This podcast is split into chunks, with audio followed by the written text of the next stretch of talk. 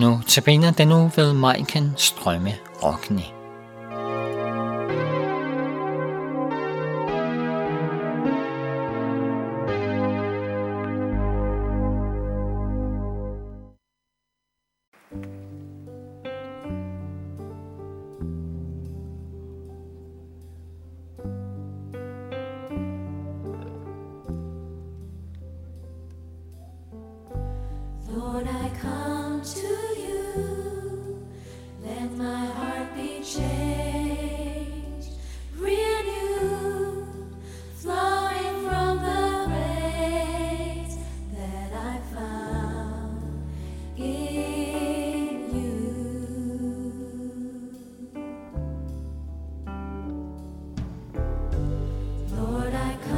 To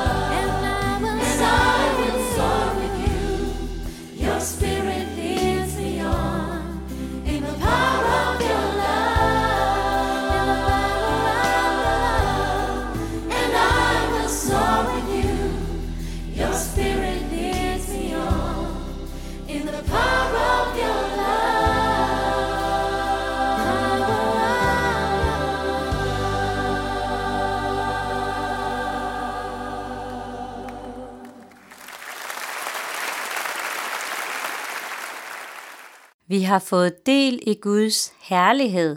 Han har kronet os med sin ære og sin herlighed.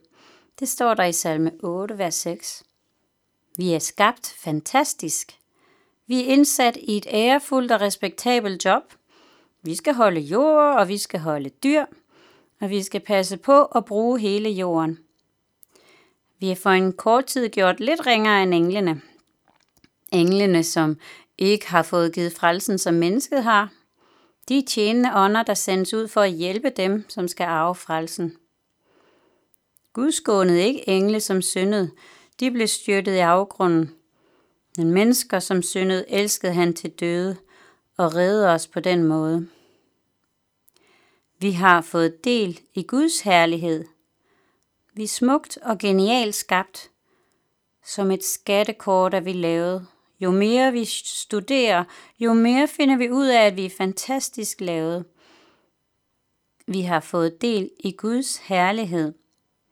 Han har en gang og to gange pustet liv i os, med liv og med ånd. Vi har fået en forsmag på, hvordan det er at leve i herligheden. Allerede mens vi vandrer her på jorden, han har gjort sig til et med os. Han har stukket os ind i sin side og gjort, at vi kunne vokse fast på ham, få liv og næring af ham, og dermed bære frugt som ham. Alle åndens frugter er jo netop det, der overvælder verden. At kunne vise godhed, hvor man måtte forvente hårdhed og gengældelse.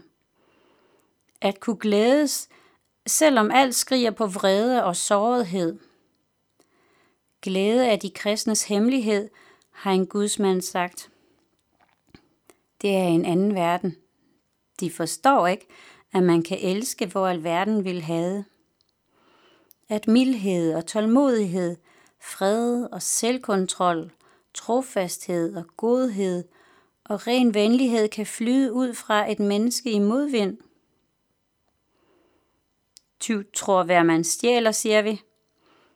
Det betyder også, at tyven ikke kan sætte sig ind i tillid, som andre måtte have.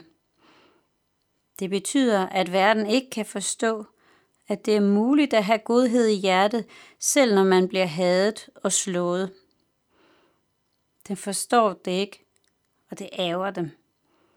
Men det forandrer dem også, for mødet med noget og godhed, med mødet med tillid og trofasthed, kan vække noget frem i mennesket, som var glemt eller visnet bort. Der vækkes en lille smag for det, og så kommer der en længsel efter selv at have det. De forstår det ikke, for uden Gud kan man ikke have de frugter. Men med Gud er alt muligt. Selv den værste forbryder kan få smeltet hjertet og blive forvandlet.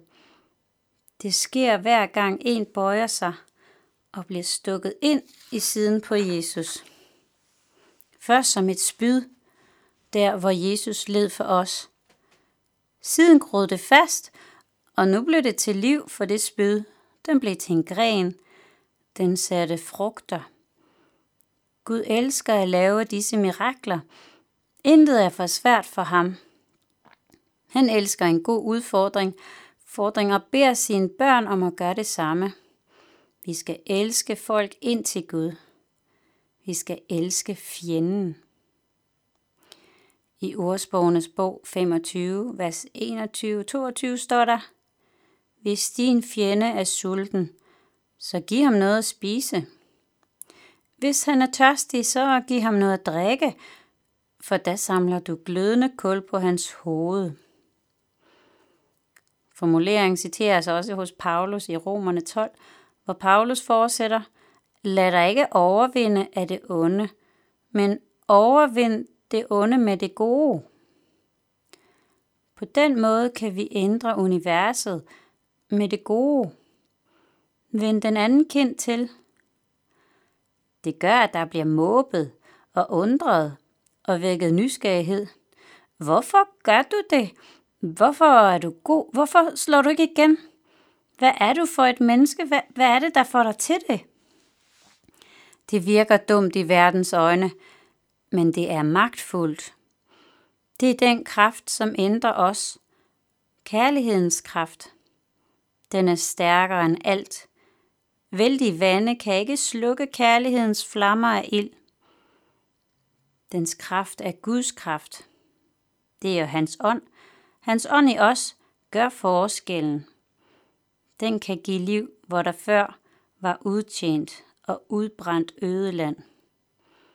Guds ånd kan skabe glæde, så man knap kan forstå det. Han kan give hjertet fred, selv når man står midt i stormværet. Lad os invitere Guds åndepust ind i os igen og igen, og give ham gode kår i vores liv. Han forvandler os med sin herlighed. Kom, Jesus, med din ånd og skab os om, så vi ligner dig, så vi kan vække sulten efter dig i den verden, der trænger så meget til dig. Amen.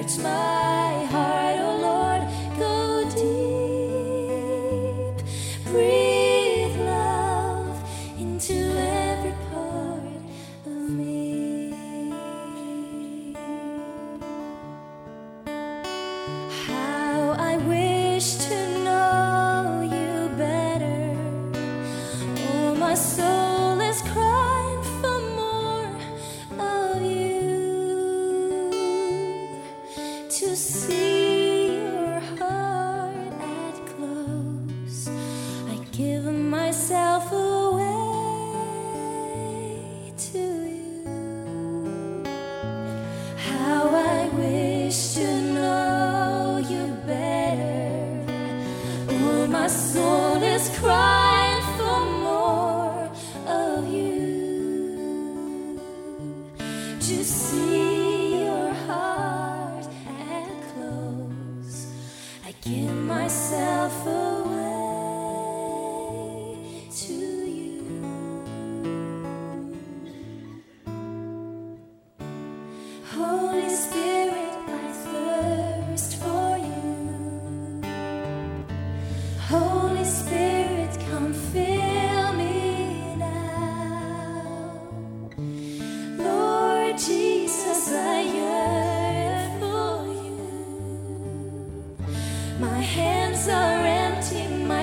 Oh.